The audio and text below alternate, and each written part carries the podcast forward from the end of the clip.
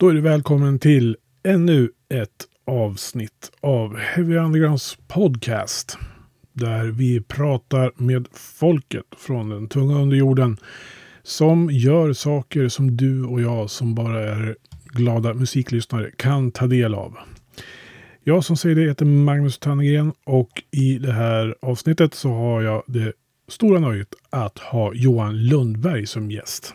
Johan han driver eh, fanzinet och skivbolaget Flyktsoda. Och vi ska prata om varför man driver både ett fanzin och ett skivbolag idag. Och varför man ger ut den musik man gör och skriver om det man gör. Så jag ska inte slösa så mycket av er tid utan vi ska hoppa direkt till eh, samtalet med Johan. Jag vill bara säga det att vill ni beställa saker från Flyktsoda så kan ni beställa en distrolista på eh, e-postadressen flyktsoda14 gmail.com. Gör det. Och följ Flyktsoda på sociala medier, Facebook bland annat. Med det sagt så kommer här nu Johan Lundberg från Flyktsoda, Fanzine och Records i Heavy Undergrounds podcast.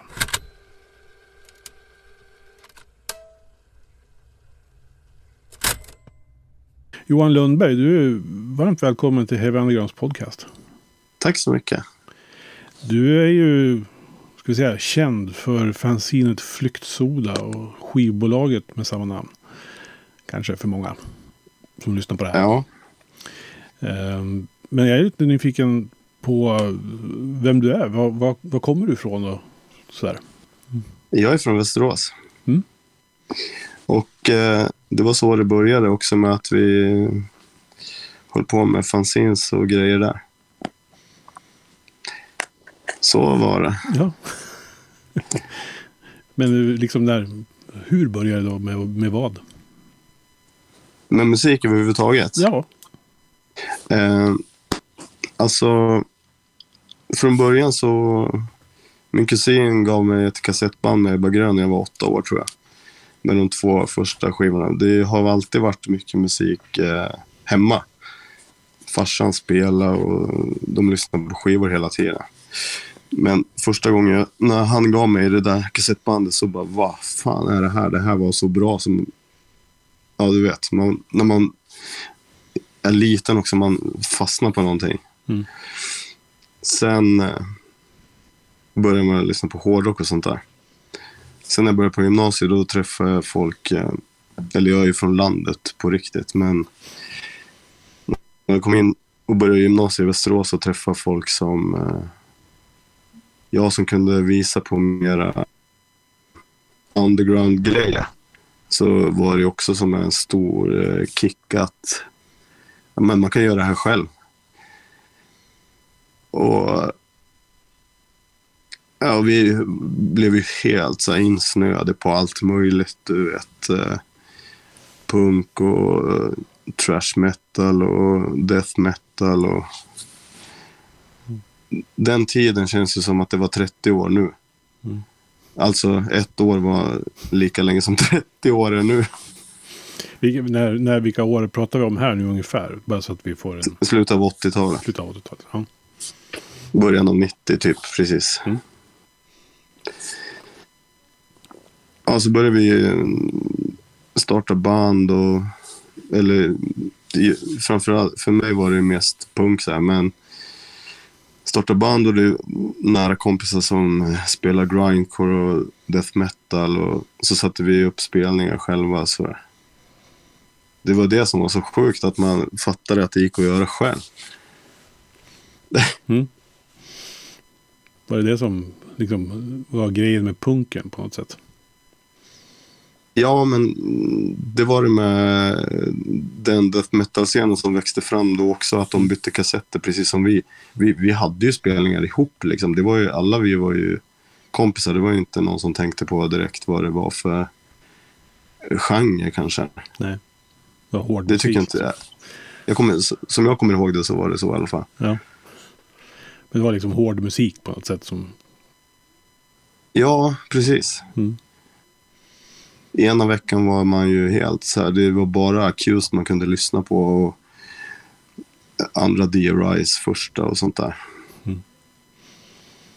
Man är ju väldigt svart, svart eller vitt också, fyrkantig när man i sån, i sån nördig ålder på något sätt. Mm. Men vad, vad spelar du för instrument? Var var det gitarr du har spelat hela tiden? Eller? Ja, Ja. ja. Hur kom liksom, hittar du, hittar du det instrumentet? Var det bara att du ville göra, det har man ju hört, sådär, jag vill göra det ljudet, typ så. Eller hur, hur blev det så?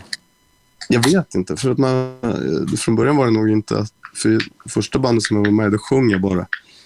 Men jag ville ju vara med och liksom göra låtarna också. Så då köpt, köpte jag någon polares gamla, helt värdelösa Strata-kopia. Så, ja, men, sen lärde man lite mer hela tiden. Men om du ger några exempel på band då, som du har varit inblandad i genom åren. Om vi tar det lite som en tidslinje här. Alltså, bara, Ja, först var... Det första bandet hette Nils Stacke. Sen så var jag med i MB med bröderna Thulin. Och vi delade replokal med senare med Tribulation också när de flyttade från eh, Sura till Västerås. Mm. Och sen var det ju så här, vi hade ju den där replokalen och där var vi ju och festa och repa jämt. Eh, Så det vart ju att man startade band ihop, lite så här hobbyprojekt och drack folköl och spelade liksom. Eh, MB, ja. Sen hade vi ett punkrockband som eh, hette The Let's Go som eh, släppte några skivor också. Men sen flyttade jag till Göteborg och då tog det ett par år och sen började jag spela med eh, typ ett eh, kängpunkband.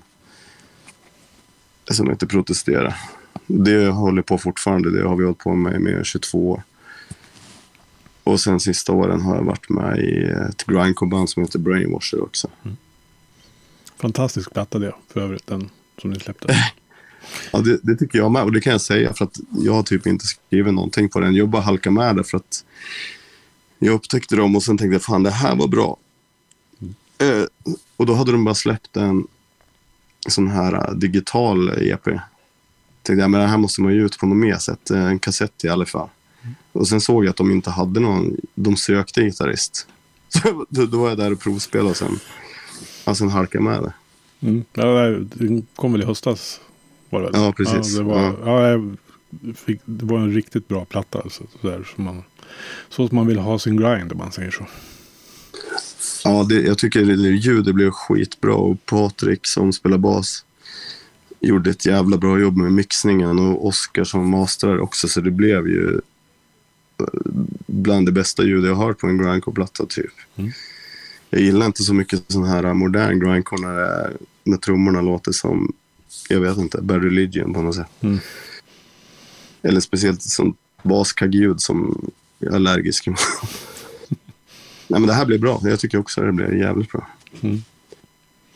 Om du skulle nämna några alltså andra band som har påverkat dig genom åren som musiker och liksom i din inriktning på ditt musikerskap så att säga. Vad, vilka, skulle, vilka band skulle du framhålla mest då som betydelsefulla? Oj jävlar. Den enkla frågan under den här intervjun. Hur lång tid har du? Ja, vi har hur lång tid som helst. Min dag, från, börj- från början var det så här, bara grön, Asta Kask och sånt där. Men sen skulle jag kunna sitta här och rabbla hur mycket som helst och ändå känna att jag har glömt bort saker. Men, ja, men sådana som var viktiga var ju också när man såg att eh, sådana som hade gjort allting själva som Tribulation, det riktiga Tribulation alltså från Surahammar, att de, de sket i allting med det här med genrer och skit. Och de gjorde sån helt egen musik och sen började spela helt plötsligt melodiös punk också. Mm. Från att spela jättekonstig trash metal med helt jazzigt egentligen. Fast det, det visste jag inte då, men alltså det lät ju så jävla eget liksom. Det tycker jag var ja, men det var jävligt viktigt på något sätt. Eh, ja, de två första DRI-skivorna, att man kunde spela så jävla fort också, det var också imponerande. Det, de skivorna kan man de lyssnar jag på jämt fortfarande. Eh, de tidiga singlarna med Anticimex och minihjälpen med Anticimex också. Accused också. Sån konstig trash metal eller crossover med mycket hardcore. Och de är också så eget band på något sätt. Mm. Det betyder mycket. Det... Rape Teenagers. Ja, men jag kan säga, säga hur mycket som är. Men det är väl de banden som man känner igen som betydelsefulla för många från den tiden antar jag. menar, Ja, precis. Den tiden är ju så eh, formande också i, när man är typ tonåring. och det är den man återvänder till sen när man blir lite äldre också. Ja, precis. Ja, Utan att låta absolut. som en fossil här, men det är ju lite så faktiskt. Det är klart att det är så. Det var ju liksom, man får ju fortfarande den här känslan av eh, de tre första, med, eller fyra första Maiden-plattorna med. Mm. Jag köper ju dem fortfarande, men man ska vara helt ärlig så är de kanske inte så bra längre. Men Nej. det betyder mycket för en själv av nostal- nostalgiska skäl. Och sådär. Ja, precis. Det, jag har ju mycket skivor, men det är ingen frimärkssamling. Jag lyssnar ju på dem liksom. Mm. Men sen kanske man har köpt alla Slayer-skivor och alla inte är jättebra liksom. Men det är Slayer liksom. ja, precis. Det är ju det. Ja, jo, jag har väl lite den relationen till Metallica. Det är ju inte Master of Puppets som man hörde 86 liksom. Men Ja, det är ändå Metallica. jag fattar det. liksom. Men det är liksom ändå bandet liksom så. Ja, jag fattar det. Och jag, det, just de där, det är jag så glad över för att när jag började gymnasiet så de här, äh, mina polare där, de introducerade mig för Slayer. Jag hade aldrig hört Metallica då. Nej. Och sen spelade de Metallica efteråt. Jag bara fattade inte vad grejen var med det. Det var ju bara... Det var som att lyssna på Europe. Vad är det här för någonting? Tamt och lamt och trött. Nej, Ja, jag är jävligt glad att jag lyssnade på Slayer först. ja, så kan det vara. Eh, men sen då, du har ju jobbat med ditt fanzine, Flyktsoda. Ja. Eh, men jag antar att eh, min lilla research jag har hunnit göra här så förstår jag att du var inblandad i andra fanzine innan du började med Flyktsoda. Ja. Ja. Eh, när jag bodde i Västerås så hade vi ett eh, fanzine som hette Pie Mig på 90-talet. Som d- vi var fyra stycken som gjorde det. Och jag tror vi, ja, vi gjorde elva nummer av det. Och på den här tiden kunde man ju sälja jättemånga. Jag tror något nummer tryckte vi om så att det var typ nästan tusen ex.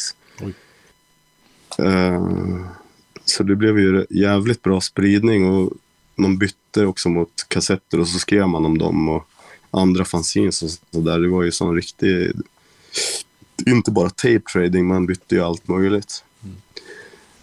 Och sen när jag flyttade till Västerås, eller till Göteborg och eh, en annan kille flyttade till Kanada så la vi ner det där. Men jag saknade det där. Det var därför jag startade Flyktsoda plötsligt, för jag hade inte sett några fanzines på säkert tio år. Men då upptäckte jag att det fanns ju folk som höll på med det där fortfarande, för de hörde av sig typ direkt. Inte så många då, men... Eh, ja, men jag gjorde det egentligen mest av, för man ville, jag ville fortsätta med det. Jag tyckte det var ett jävligt roligt eh, sätt att... För en själv bara sitta och pyssla liksom. Mm. Och, få, och få skriva om eh, band som jag själv gillar. Men hur upptäckte du fanzines överhuvudtaget från, från början? Alltså innan du började skriva själv i ett? Ja, alla som är i min ålder och som är från typ Svealand vet nog vad det kommer. Nej, men för då hängde, åkte vi till Fagersta hela tiden, till Rockborgen. Mm. Och det var ju där jag hittade ett fanzine första gången. Det gick någon tjomme där och sålde typ eh, säkert eh, Träsket glöder eller Grodpiss eller något. Eh, eller kanske Anders. eh, vad heter det, vad hette det då? Hymen. Mm. Något av de där i alla fall. Okej. Och där kunde man ju och bara, vill du beställa de här kassetterna? Och så bara, ja, ja. För pengar som man hade råd med när man inte hade några pengar. Då fick man ju kontakt med andra folk också. Det var ju skitroligt. Så plötsligt åkte man till Örebro på en spelning med några som man aldrig... Och fick bo hemma hos dem fast man inte visste egentligen vilka de var. Ja, Det var jävligt roligt. Det är rätt coolt det där nätverkandet som uppstår i sådana här subkulturer faktiskt. Absolut. Mm. Så är det ju fortfarande faktiskt. Fast nu är det ju lite lättare. Nu bara dra iväg ett mejl fast. Ja. Känns inte lika äkta på något sätt. Nej. Men Flyktsoda då. Ehm, jag läste någon, att beskriva och synliggöra punk och motkultur hade du som någon sorts slogan på Facebook-sidan. Mm. Liksom, hur, hur kom du fram till den eh, programförklaringen? Eh, ehm, ja. Men jag har alltid varit... Uh, allting som... Uh, all musik och all... eh, vad ska man kalla det för? Konst som jag har hållit på med har ju varit någon slags motvikt mot eh, kommersiell tråkkultur. Liksom man blev ju så formad också av den här hela DIY-grejen som var både inom eh, punk och hardcore och death metal. Från slutet av 80-talet och början av 90-talet. Eh, eh, och det fanns det har ju funnits hela tiden ett, i alla fall de som jag har hängt med, och ett väldigt sånt rättvisetänkande. Sen kanske vi också var dumma i huvudet från början och undrar vad fan det de, när de, och var inte jättesnälla mot så här tjejband som kom. Men sen fattade vi att de var ju ännu coolare än vad vi var. Uh, ja, det har alltid varit viktigt liksom. Som uh, Anders i Nasum sa i den här uh, Slave to the Grind-filmen att grindcore är politiskt och så tänker jag med all sån musik som jag lyssnar på typ. Nästan. Och det var det du ville liksom skriva om då antar jag. Mm, precis. Men berätta lite, alltså själva hantverket bakom Flyktsoda. Är det liksom klippa, klistra och skriva? Alltså, eller gör man allting i dator idag? Ingen... Nej, jag, jag kunde ju inte ens göra det när vi höll på med PyMay. Nej. De andra var ju bra på det, men inte jag. Då hade jag en skrivmaskin, ända tills den gick sönder. Sen fick jag skriva ut saker på biblioteket typ. Mm. Och det är ungefär så det är nu med. Jag kan inte. Jag... Tryckeriet vill ju ha pdf-filer och sånt där. Men eh, det, jag gör dem på A4 och sen skickar det till en kompis och scannar hon in det och skickar det till tryckeriet.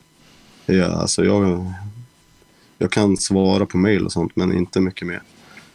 Så, Jag är inte IT-expert direkt. Det är så skönt att höra, tycker jag. att det fortfarande finns. Alltså att folk inte känner den pressen att man måste vara det. Men gör saker ändå. Nej, men du vet, jag har inget intresse av det heller. Jag fattar ju. Jag är imponerad av folk som är in- intresserade av internet och sånt, men nej, jag är lika intresserad av det som ja, när man skulle göra grafer och sånt i matten typ. Ja. Men hur mycket tid lägger du på fanzinet? Alltså när du väl bestämmer dig för att göra ett nummer. Hur lång tid kan det ta? Oj, det är jävligt olika. Mm. Eh, I slutet så är det ju typ... Nej, jag lägger ner rätt mycket tid på det faktiskt. Mm. Jag kan inte svara på det riktigt. Nej. Det är ju en så här ständigt pågående pro- process och varje gång det kommer ett nytt nummer så tänker jag att det här blev inte så bra, jag måste göra ett nytt. Eller så kommer man på band som fan, de här måste ju vara med. Fast man är helt slut så bara, det tar bara någon dag så mm, börjar jag igen. Ja. så är det. Men får se, det var 2014 som du startade Flyktsoda. Eh, Hur många nummer har det kommit? Jag vet inte. Nej. Jag såg någon film om någon sån här Manchester label som eh, numrerar allting de gjorde. Mm. Även flyers och posters och sånt. Men, så jag har gjort det med Flyktsoda med. Jag har numrerat skivorna också, som, samma som fanzinsen. Så jag, jag vänta, det, det är nog över 30 i alla fall. Ja. För jag tror skivorna är uppe i 20 någonting. Men det är rätt bra utgivningstakt ändå på åtta år då. Ja, det är ju det. Ja. Men det är något år som jag har släppt sex nummer och sånt där. Och något år kanske bara fyra eller något sånt där. Så det är liksom lusten som styr på något sätt och tid. antar jag. Ja, och hur fort folk svarar på intervjuer och sånt där. Vad är liksom, har du några sådana här riktiga... Har du några nummer som du liksom riktigt jäkla stolt över? Som liksom, där du liksom prickar in någon sån här drömintervjuer eller liknande. Ah. fan. Det, det har ju mest berott på hur mycket tid folk har lagt ner på att svara. Mm. Jag kommer inte ihåg vilket nummer det är, men Marco som gör eh, ett fanzine som heter Levande begravda och har en liten mikrolabel också. Han svarar ju så jävla underhållande och roligt så det blev ju skitbra. Det, det är ju ofta, ofta det det kommer på.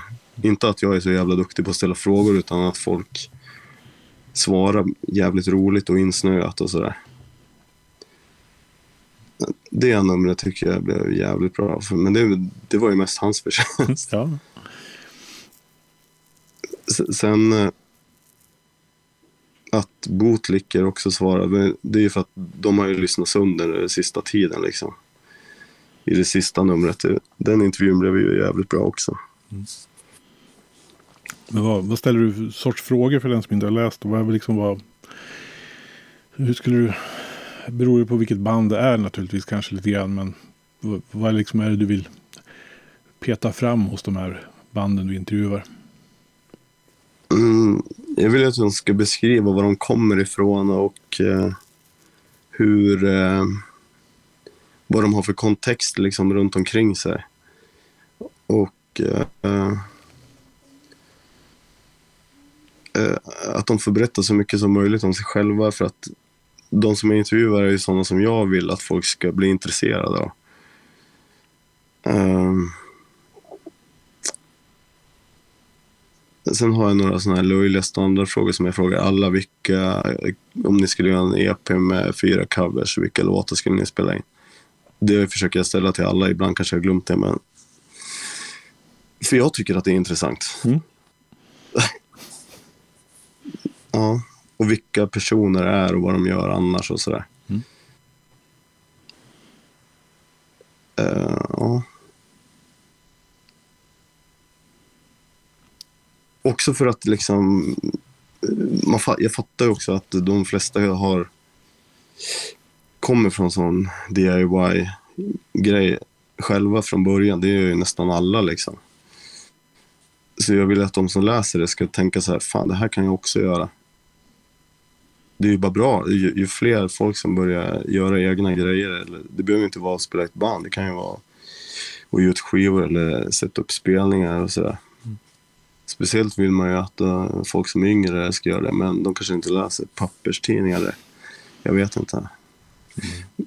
Men för nu börjar vi som har hållit på med det här jättelänge bli gamla, så det är ju jäv, jävligt viktigt att det blir en bra återväxt på något sätt. Ehm, jag tänkte just komma till det. Alltså fanzine idag. Hur skulle du, säga, hur skulle du beskriva kulturen? Är den liksom, växer den eller är den konstant? Eller vad, vad handlar det om idag när man gör fanzine-scenen? Ehm, ja, men det, delvis är det ju en klubb för inbördes beundran på något sätt. För det är ju alltid ett gäng som man vet gör egna fanzine som hör av sig och köper och sådär. Men eh, för kanske 15 år sedan så var det helt dött. Det fanns ingenting. Nu är det ändå tycker jag, stabilt. Inte bra, men det är bättre i alla fall. Det finns ju, vad heter det, folk köper och... Det är fortfarande nya tycker jag som hör av sig bara, vad är det här? Bara, vad coolt. Varför är det så billigt och sådär. Det, nej, jag, skulle tycka, jag tycker nog att det är... eh, Det är ju inte som i Tyskland liksom, där det finns... Där de har eh, mässor med, eller mässor, men... Eh, träffar och där det bara är fanzines. Sån stor kultur är det ju inte här, men det, det är ändå inte dött. Nej, det, det, liksom, det, det är rull på grejerna liksom. Sådär. Ja, lite grann i alla fall. Det, det är ju inte som när vi gjorde Piemag med att man gick runt och kunde sälja hundra stycken på en spelning. Nu, nu har ju upplagorna eh, på hundra ungefär. I början gjorde jag 200, men det var ju så, jävla- det blev så jävla många kvar hela tiden. Det är bättre att de tar slut liksom, men och när vi gjorde Piemag, då gjorde vi alltid typ 500 minst. Så är det ju inte nu, men det, Nej, det det finns, finns ju- hopp om det i alla fall. Ja, precis.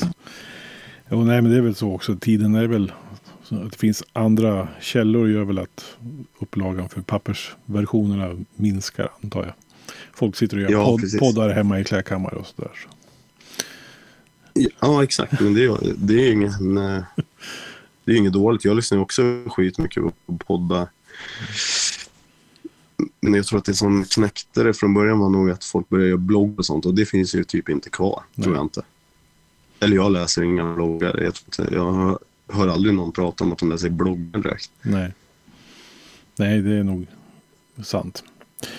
Eh, och utöver fanzinet då så var är det ett skivbolag också. Ja, Hur kom du på den idén? alltså det var... det var så här att vi skulle göra en uh, split-singel med mitt uh, ena band, Protestera. Och han som skulle ge ut den skickade de låtarna som det polska bandet vi skulle dela den här singeln med. Och de var så jävla bra. Så jag sa till honom, ja men det här går inte, du kan inte bara göra 300 ex av den här eller? För de, alltså jag menar att de här, det här polska bandet som då var Mass Militia, var, att de var så jävla bra. Han bara, ja, men jag har inte råd, det blir som det blir. Okej, i så fall får du stå, vara med och ge ut den. Absolut, så då gjorde jag det. Så vi gjorde 500 i alla fall. Eh, det var så det började och sen eh, kom eh, ett eh, punkrockband här i Göteborg och sa att de ville att jag skulle ge ut deras LP. Och då sa jag att det kan jag ju inte. Jag har inga sådana kontakter överhuvudtaget. Jag vet inte hur man gör. De bara, men vi vill att du ska göra det. Ja, ja fan, ja, låtarna var jävligt bra. Så jag pratade med Lingon som har Ken Rock Records. Vi släppte den tillsammans. Och sen... ja, sen, det var jävligt roligt liksom. Så att... Eh, sen såg jag något annat band som jag tänkte, fan det här var jävligt bra faktiskt. Så, ja, sen har det bara rullat på. 2020 tror jag det var, då var det ju en jävla massa släpp. Och många extra pass på jobbet då för att finansiera det. Vadå, menar du att man inte blir rik på Äh, skivbranschen? nej, inte direkt. Ja, men vad, de två de släppen du berättar om nu, de kom till dig på något sätt. Men hur, hur jobbar du annars då med bolaget så, med släpp och så? Är det styrt bara av vad du hör och tycker om eller hur?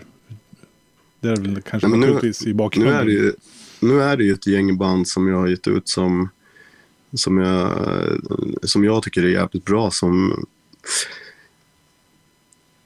ja, om de vill så fortsätter jag ge ut deras grejer. Sen är det ju andra som hör av sig också, men jag har inte råd att göra mer än eh, det som jag liksom planerat. Ja. Det skulle vara liksom om det dyker upp något som jag tjatar på ett speciellt band till exempel. nej, jag kan inte säga något mer om det, men... eh, nej, Nu, Nej. nu är det ändå det är ett jävla bra gäng. Bra människor och ja, jävligt bra band. Mm. Och hur många har du, plattor har du släppt genom åren? Hade du någon koll på det? Ja, jag tror att det är 22 eller något sånt där. Mm. Jag har lite svårt för att en del är ju, du vet, det har blivit en sån här jävla hype att de här stora bolagen ska ge ut vinyl igen nu. Mm. Så det, att, det vet väl alla liksom. Att det tar skitlång tid att få skivorna. Så man lägger ut en massa pengar på pressning och sen så kommer de inte på ett halvår minst. Eller ett år. Ehm, men jag tror att det är eh, någonstans runt 20 släpp som jag har gjort. Men då är det ett par kassetter också. Jag tänkte fråga om formatet. Är det bara är det vinyl du primärt släpper? Eller Ja. ja. Sen är det två kassetter, men det var, den ena var ju Brainwasher-kassetten och den andra var en, eh, en liveinspelning som vi gjorde med Protestera i Västerås som en eh, kompis spelade in och mixade ordentligt. Liksom. Så det kändes som att den var värd att få ut på något sätt. Och det är både 12-tummare och 7-tummare. Ja, Föredrar du något av dem, de storlekarna? nej det är de två bästa. Ja. Sjutummare har ju blivit jävligt, eh, det är ju en riktig förlustaffär. För det är ju svindyrt att göra och eh, folk tycker att det är dyrt att köpa fast det, jag tycker inte att det är det. Men om man tar 60 spänn för en sjutummare så tjänar man ju ingenting. Mm. Men folk köper gärna en IPA eller något för 120 spänn och saftar i sig på fem minuter. Så jag vet inte, det är lite konstigt. Ja, det är lite märkligt beteende faktiskt. Ja, eller en, liksom en sju, skitbra sjutummare med sex låtar för 60 spänn. Det är, den har man ju kvar liksom. Mm. En bärs tar ju slut så på en gång. Men eh, vad har du på gång nu då? Eh, är det något du kan avslöja? Alltså vad, de senaste släppen om vi säger så. Vi börjar där.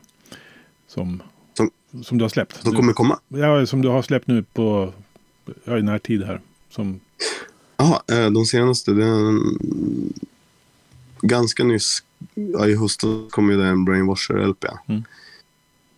Eh, och sen kring årsskiftet kom en eh, split-LP med Antigen från Tyskland och Socialstyrelsen från Värmland. Och eh, sen släppte jag även vid årsskiftet två sjutummare. En med bleachdrinker och en split med Böset och Mormor kommer. Och vilken dag som helst så kommer det en LP med J4 också. ja, den fick jag ju höra en låt från. Den var ju Ja. fantastiskt bra. Hela den skivan har jag lyssnat under den testpressen kan jag säga. Mm. Den är så jävla bra. Mm. Ett av de bästa svenska hardcore punkbanden som jag kan komma på. Vad, hade du något mer på gång nu framöver som du vet? Så här, som du kan prata om. Ja, det är två skivor till som är på pressning. en eh, ensidig eh, tolva med sidestep som är mer som eh, beatdown hardcore. Och eh, sen en eh, LP med svärta som inte är eh, direkt i den samma genre som jag släpp, de andra släppen direkt, utan det är mer melodiös, tung, eh, vad fan ska man säga? Eh, hårdrock typ, med mycket gitarrslingor och stämsång. Det är tre tjejer från Göteborg. De har de släppte en LP, men det börjar bli ganska många år sedan. nu. Kan det vara sju, åtta år sedan de släppte första LP. Så nu ska jag släppa deras andra och jag hoppas att den kommer typ i sommar eller något. Mm. Och sen är det en hel del andra grejer på planeringsstadiet. Ja, så det blir fler släpp sen senare i år. Då. Ja, om de hinner komma i år. om de skickas på pressning så ja, Ja. förhoppningsvis någonting mer i år. Ja. Eh, vad, är, vad är det som får er nu liksom fortsätta att göra allt det här? Jag menar, det, nu har vi pratat om fanzine och band och skivbolag. Jag antar att det tar rätt stor del av din vakna tid när du inte är på jobbet. Ja, det gör ju det. Men vad, skulle du säga är det absolut roligaste med allt det du gör? Ja, men det är att hålla i fysiska produkter i handen som man har varit med och fixat. Uh, och se ett band som man tycker är skitbra och sen prata med dem och sen få vara med och hjälpa till och ge ut deras grejer. Uh, och uh, nej, det allra roligaste det är ju som till exempel uh, Prescription Death som är ganska unga människor. Som frågade om jag kunde ge ut deras en eh, sjua först. Då hade ju någon försökt att lura dem att de skulle betala för att ge ut den på de, eh, deras skivor, på något skivbolag. Och så betalade de och så hände det ingenting. Men jag tyckte att de var skitbra. Jag frågade dem så här, fan kan inte om ni spelar in någonting då kan jag gärna ge ut det. De bara, ja men det, vi har en, men det, då har vi betalat men vi fick ingenting. Alltså det är så jävla fult att folk försöker lura så här unga entusiastiska människor. Så jag bara, men, nej, men jag ger ut det så får ni 20% av skivorna i handen. Sånt är också kul att känna att man är med och peppar och eh, kan hjälpa till liksom. Så att de får en liten skjuts framåt liksom som folk har gjort för mig. Det, är ju, det har jag kanske glömt att säga, men jag har ju fått gett ut skivor och spela, turnera i hela Europa hur mycket jag har velat. Som andra har fixat åt mig. Så mycket av både att göra det här fanzinet och ge ut skivor har ju varit att jag vill ge någonting tillbaks. Och det är ju roligt också. Jag tycker jag är ett bra liksom, slutord på den här intervjun eh, Ja. Tack så jättemycket Johan. Tack ska du ha Magnus. Du har lyssnat på en podcast från heavyunderground.se. Jag som säger det heter Magnus Tannegren och är den som producerar och intervjuar i den här podcasten. Vill du veta mer om det här avsnittet eller om podcasten i allmänhet? Besök heavyunderground.se eller leta upp oss på de sociala kanalerna på Facebook och Instagram. Tack för att just du har lyssnat. Hey, I met you. You are not cool. I know. Even when I thought I was, I knew I wasn't. Because we are uncool. I'm glad you were home. I'm always home. I'm uncool. Me too. You're doing great. It's the only true currency in this bankrupt world what you share with someone else when you're